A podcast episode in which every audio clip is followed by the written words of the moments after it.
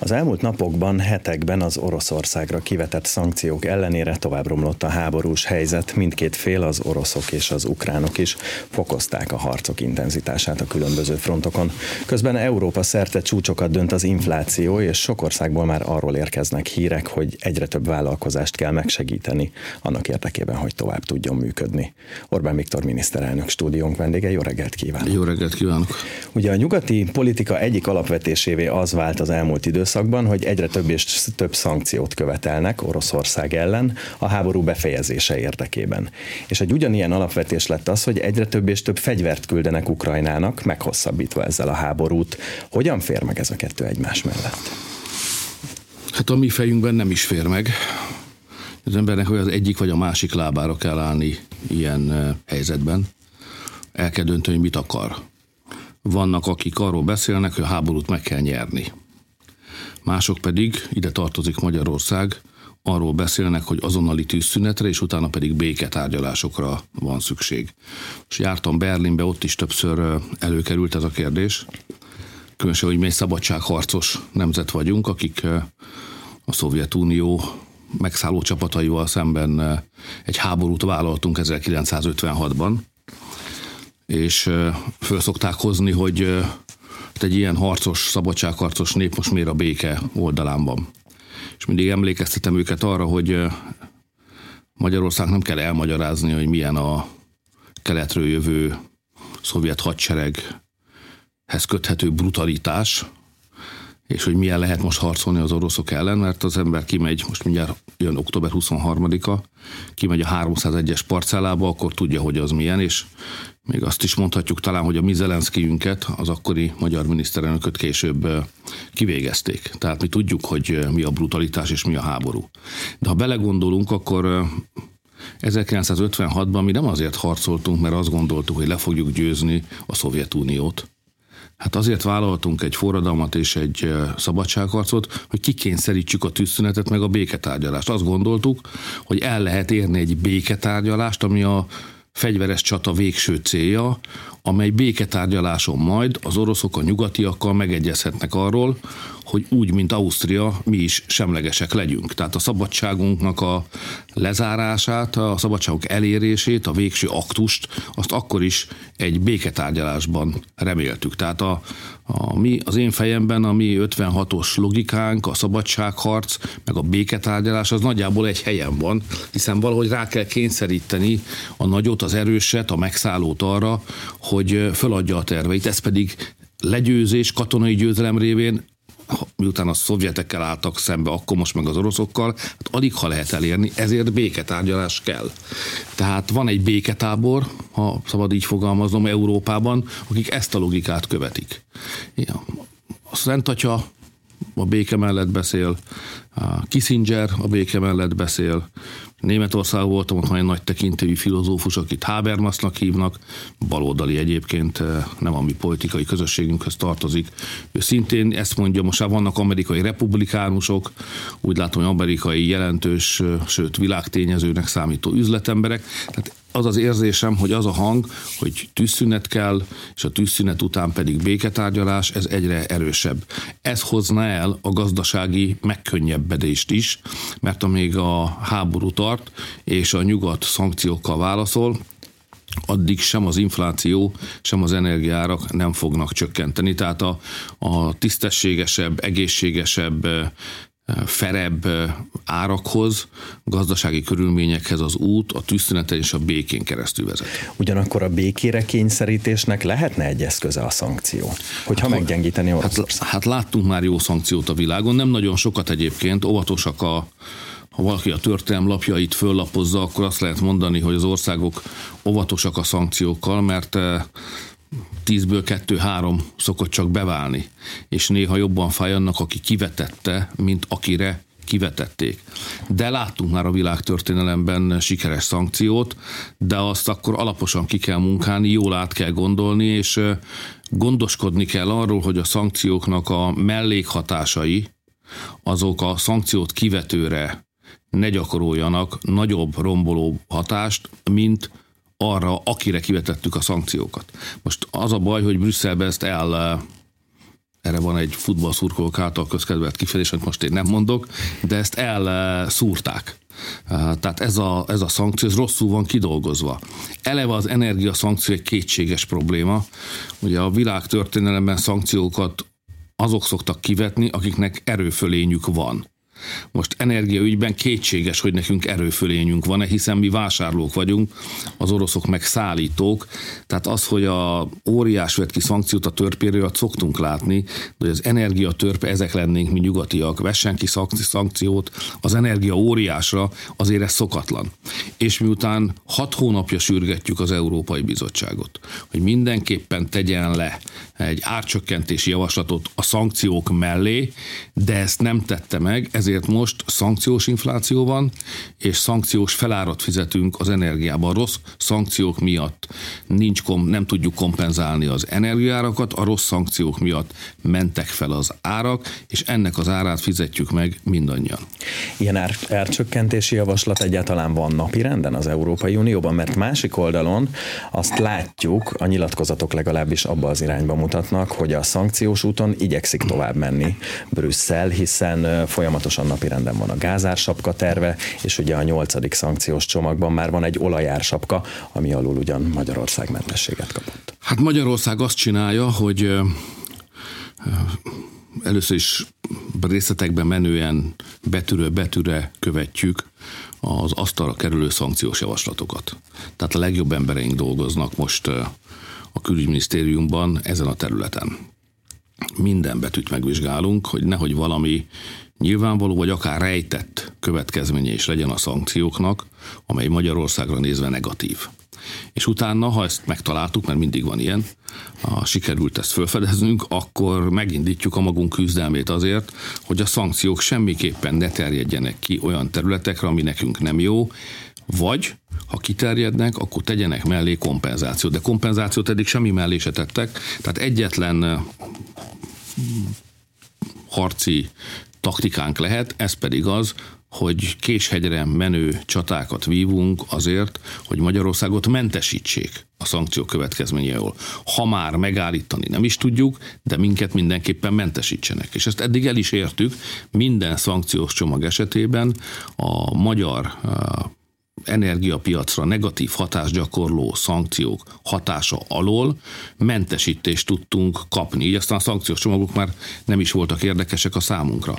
A baj azonban abból fakad, hogy mi egy közös európai piacon vagyunk, és Magyarország ugyan mentesítheti magát bizonyos negatív következmények alól, például, hogy a nyugatiak nem vesznek orosz olajat, mi megveszünk. A, ők átállítják a rendszerüket, mert vannak tengerpartjaik, és hajókon is tudnak energiát szállítani, olajat vagy cseppfolyós gázt, mi nem tudunk. De, de a, az igazság az, hogy ha fölmennek az árak Európában, azok magukkal rántják, magukkal húzzák a magyar árakat is. Tehát végső megoldást a magas energiárakkal szemben az jelentene, hogyha az Európai Unió elállna ettől a szankciós politikától. Ettől messze vagyunk, ezért nagyon sokat kell még küzdenünk. De nem vagyunk esélytelenek, tekintettel arra, hogy a szankcióknak az a rendszere, hogy hat havonta meg kell újítani. Most legközelebb valamikor november-decemberben lesz egy ilyen ütközet, és a rákövetkező fél év végén ismét lesz egy ilyen időpont. Tehát van lehetősége az Európai Bizottságnak arra, hogy jobb belátásra térjen, és kiavítsa azokat a hibákat, amiket eddig elkövetett. Volt Prágában egy miniszterelnöki csúcs is a múlt héten, ott nő az elégedetlenség, tehát az a hang, amit korábban csak Magyarország ütött le, az most már általánossá válik. Mindenki elmondja, hogy de hát nem ezt ígértétek. Azt ígértétek, most nem is mondok más országok vezetői, de komoly országok vezetői mondják, hát azt ígértétek, hogy a szankciók jobban fognak fájni az oroszoknak, mint nekünk. Hát azt nem tudjuk pontosan mennyire fáj az oroszoknak, de hogy nekünk nagyon, az biztos. Azt is ígértétek, hogy ezek észszerű szankciók lesznek. Ezek nem azok, és azt is ígértétek, hogy ez közelebb visz bennünket a háború befejezéséhez. Helyett eszkalálódik a háború. Tehát most már nem Magyarország az egyetlen, amelyik fölteszi azt a kérdést, hogy mi folyik itt, és kinek az érdeke az, ami történik, mert miközben elvágjuk magunkat az orosz energiától, Amerikából hozzuk be az energiát, és ha összevetem az amerikai gázárakat azzal a gázárral, amin az amerikai gázt eladják Európában, akkor ott óriási különbséget látok, 5-10-szeresen, 5-10-szer olcsóbb az, az, az energia Amerikába, mint itt nálunk, akik tőlük vesszük. Tehát itt valami nincs rendben, és ezért az amerikai barátainknak is föl kell tennünk azt a kérdést, hogy de hát kedves barátaim, mi folyik itt? Tehát ki nyer ezen a dolgon? Mert mi európaiak biztos, hogy veszítünk és úgy látjuk, hogy ti pedig nyertek. Az oroszok pedig minimum nem veszítenek. Tehát ez az egész úgy van összerakva, hogy ezen mi európaiak csak veszíteni tudunk.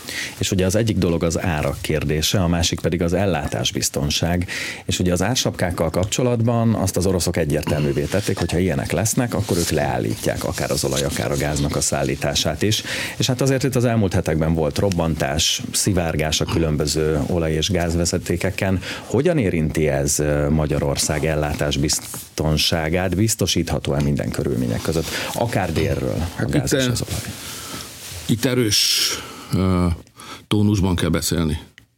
Tehát az, ami történt, hogy fölrobbantottak uh, gázvezetékeket, meglékelték őket, az uh, egy súlyos dolog leggyakrabban a szabotás kifejezést hallom, de én a miniszterelnöki csúcson is azt mondtam, hogy ez a mi fölfogásunk és a magyar jog szerint eh, terrorcselekmény. És ha ebben benne volt valamelyik államnak a keze, akkor az egy terrorista állam, aki ezt végrehajtotta, vagy támogatást adott hozzá. Szóval azért kell ilyen erős tónusban mondanunk, részben mert nem most jöttünk le a falvédőről, és ez nem a világ végén történt, hanem egy olyan helyen történt, ami valahol ott a svéd, eh, Dán, felségvizek környékén van, tehát ott minden négyzet centimétert az űrből folyamatosan figyelnek. Tehát ne, velem nem etetik meg azt, hogy nem tudják megmondani, hogy mi történt, hogy ki járt arra az elmúlt időszakban, meg mikor mit csinált. Hát olyan világban élünk, amikor még a lakásunk ablakán is benéznek a műholdakból, hogyha nem húzzuk el a függönyt. Tehát észné kell lenni a saját magánéletünk megóvása érdekében is, akkor ilyen nagy terrorakciók kivitelezéséhez szükséges mozgásokat, hogy a 21. században nem tudnak detektálni, rögzíteni, ezt egy magyarral nehezen hitetik el, de mindegy, ez a nagyfiú dolga, majd kivizsgálják, hogy mi a helyzet. A, ami nekünk fontos, és ezért kell erős tónusban beszélni, hogy az utolsó nagy kapacitású vezeték, amely gázt hoz délről, orosz gázt hoz délről Európába, így Magyarországra, az a török vezeték, töröknek hívott vezeték, itt látjuk el, ezen keresztül látjuk el Magyarországot. És világos hogy hogyha ezt valaki fölrobbantja, vagy működésképtelené teszi, azt Magyarország is, de ezt korábban már Szerbia is elmondta, mert rajtuk keresztül jön a vezeték, azt terrorista támadásnak fogjuk tekinteni, és úgy is lépünk föl vele szemben. Ugye beszéltünk már az inflációról, ami az egyik hatása, vagy az egyik következménye ennek a helyzetnek, és hát valóban egész Európában rekordokat dönt, dönt szinte hónapról hónapra. Meddig lehet ezzel az inflációs szinttel a lépést tartani a családoknak elsősorban, és hogyan tud a kormány küzdeni ez ellen? Hát az első dolog, hogy tegyük világossá a magunk számára, hogy ez egy szankciós infláció, és amikor magasabb árat fizetünk a boltokban, akár az energiáért, akár az élelmiszerért, akkor szankciós felárat fizetünk. Tehát ha az Európai Unió belátná, hogy változtatni kell a szankciós politikán, és mondjuk megszüntetné, fölfüggesztetné, átalakítaná, akkor nagy gyorsasággal szerintem néhány napon belül a bizonyos termékek árai, ideértve az energiát, legalább a felére visszaesnének. Fontos, hogy azt megértsük, hogy ezt a magas inflációt nem a piac törvényszerűségei okozzák, nem a gazdaságban van az oka. Ezt az inflációt, ezt kívülről vitték be a gazdaságba a politika oldaláról. Ha a brüsszeli bürokraták okosabb politikusok lennének, ha a brüsszeli bürokraták körül tekintőbben jártak volna el, akkor ma nem ennyi lenne az infláció, és nem ennyi lenne az energia ára. Különböző számítások vannak, de ez nemzetközi közmegegyezésnek számít, hogy az energiaárak az körülbelül 40-50 százalékban közvetlenül felelősek a mostani általános magas árszintért, és egy 30 százalék körül közvetett módon. Ebből is látszik, hogy ott kellene megoldást találni. Most a legfontosabb azonban az, hogy az ember ne tűrje az ilyesmit ölbetett kézzel. láttam már ilyet, ha szabad fölidézni a saját szakmai tapasztalataimat, tehát mikor először voltam miniszterelnök 1998-ban, akkor is egy 10% fölött olyan 15%-os sávban volt valahol az infláció, és ott egy másfél év kemény munkájával azért azt megfeleztük. És még 2010-ben is úgy volt, hogy volt 5-6 százalék körül az infláció valahogy, és azt a nulla közelébe vittük vissza. Tehát a mostani kormánynak van tapasztalata arról, hogy hogyan kell harcolni az infláció ellen. És a legfontosabb, hogy nem szabad tűrni, nézni, beletörődni, az infláció ellen harcolni kell, cselekedni kell. A kormány foglalkozott is, rendszeresen foglalkozik ezzel a kérdéssel. Én most ezt újra napirendre vettem, és tisztelettel megkértem a jegybankelnököt, és utasítottam a pénzügyminisztert, hogy a következő év végére ezt az inflációt mindenképpen felezzék, legalább felezzék meg, és vigyék le úgy, hogy egy százalékos legyen. Akkor is, hogyha a nemzetközi környezet egyébként az ellenkező irányba húz bennünk. Ez egy nehéz szakmai kérdés, hogyha magas inflációs környezetben van Magyarország, akkor lehet-e Magyarországon az árakat lejjebb szorítani. Ennek vannak korlátai, meg nehéz nehézségei, de nem szabad föladni, ezért harcolni kell a magas árak ellen, harcolni kell, mert ez meggyötri az embereket, meg a családokat, tönkreteszi a cégeket, munkanélküliséget hoz, és a családoknak föl kell élniük a tartalékaikat, amiket az elmúlt néhány évben kemény munkával fölhalmoztak. Ezért valójában az infláció elleni küzdelem az egy családvédelmi intézkedés sorozat. Spekulásokkal szemben föl kell lépni, az infláció mögött mindig vannak spekulások. A szankciós politika átalakításáért mindent meg kell tenni, újabb inflációt eredményező szankciók kivetését mindenképpen meg kell akadályozni. Tehát vannak lehetőségeink. Elindult a nemzeti konzultáció is, mától postázzák az éveket. Ugye több témakör már nyilvános, lesz kérdés a turizmusra kivetett szankciókról, az atomenergiáról, vagy éppen a gázszállításról. Mit vár a konzultációtól a kormány? Hát egy nemzetközi csata kellős közepén vagyunk. Európa egyre inkább két táborra szakad. Az egyik, amelyik hisz abban, hogy a szankciókat változatlan formában, és a mai logika szerint folytatni kell, és ez meghozza az eredményt, és itt a másik tábor, ahol mi is tartozunk, amelyik amellett érvel, hogy a szankciós politikát mindenképpen meg kell változtatni, mert ezt beledöglünk ebbe, belegebedünk.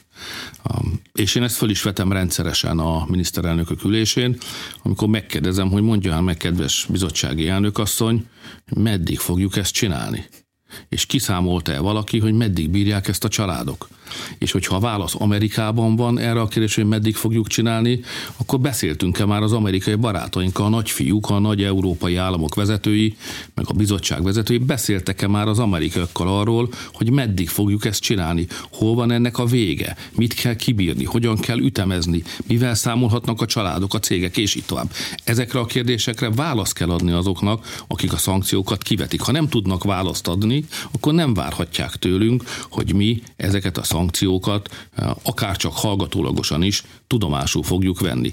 Akkor nekünk harcolni kell mindig a mentesítésért. Ez nagyon fontos dolog, hogy eddig is ki tudtunk maradni a szankciós politikából, mert mentesítéseket harcoltunk ki, ezért a szankciók közvetett mechanizmusokon keresztül gyötörnek meg bennünket. Ha nem tudtuk volna magunkat mentesíteni a szankciók alól, akkor az infláció mainál is magasabb lenne, és a magyar energiárak is magasabbak lennének, ráadásul nem is lenne elegendő energia. Azért Magyarország ma ott tart, hogy körülbelül 48,5 százaléka az éves fogyasztásnak bent van a tározókban gázból.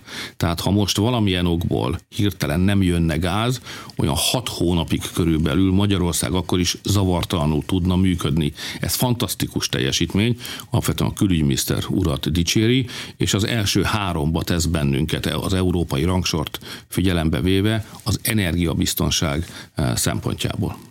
De a nemzeti konzultáción ugye ön is említette, hogy ez a nagyfiúk harca valahol. Az emberek véleménye hogyan tudja ezt befolyásolni? Hát, az egy döntő érv szokott lenni, sokszor kell persze elmondani, hogy működjön, hogy azért a szankciókat azt nem demokratikus módon vezették be. Hát erről nem kérdeztek meg senkit. Ezekről a szankciókról döntöttek a brüsszeli bürokraták, meg az európai elit. De sehol egész Európában senkit nem kérdeztek meg az emberek közül, egyetlen országban sem, hogy mégis ők mit gondolnak erről. És egyelőre még demokrácia van Európában, és számít, hogy mit gondolnak az emberek. Ugye Magyarország ebben azért élen jár, mert a legnehezebb európai kérdésekben mi rendszeresen meg szoktuk kérdezni, sőt a döntésekbe is beszoktuk vonni a magyar embereket. Ezt csináltuk a migrációnál, ahol egy nagy csatát kellett megvívni Brüsszelbe, és szükség volt a magyarok demokratikus felhatalmazására.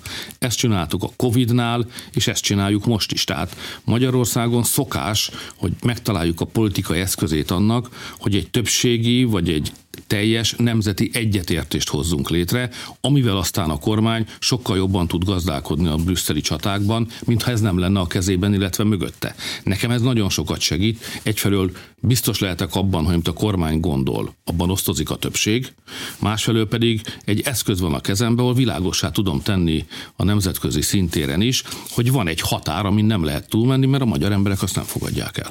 Az imént említette a migrációt, és tegnap az Unió part és határvédelmi ügynöksége a Frontex közölte, hogy a balkáni útvonal a legaktívabb most ebből a szempontból. Az év első kilenc hónapjában itt mértek egy 170% os növekedést. Múlt héten találkozott a szerb elnökkel és az osztrák kancellárral, és felvetette azt, hogy a szerb észak-macedón határon kellene megállítani a migrációt. Hogyan lenne ez megoldható?